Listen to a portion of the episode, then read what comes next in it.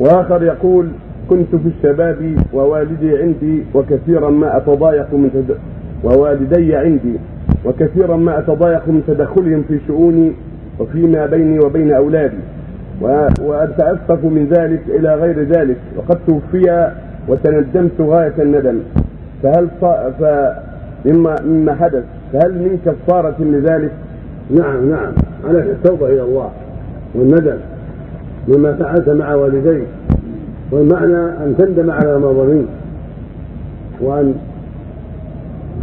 ذلك في بعد وفاتهما من الكلام فيما يسوءهما أو التحدث بما يسوءهما أو ذكر شيء من عيوبهما بعد ذلك. تحفظ لسانك عنهما إلا بالدعاء لهما والاستغفار لهما والترحم عليهما والإحسان إليهما بما تستطيع. من صدقة عنهما ونحو ذلك.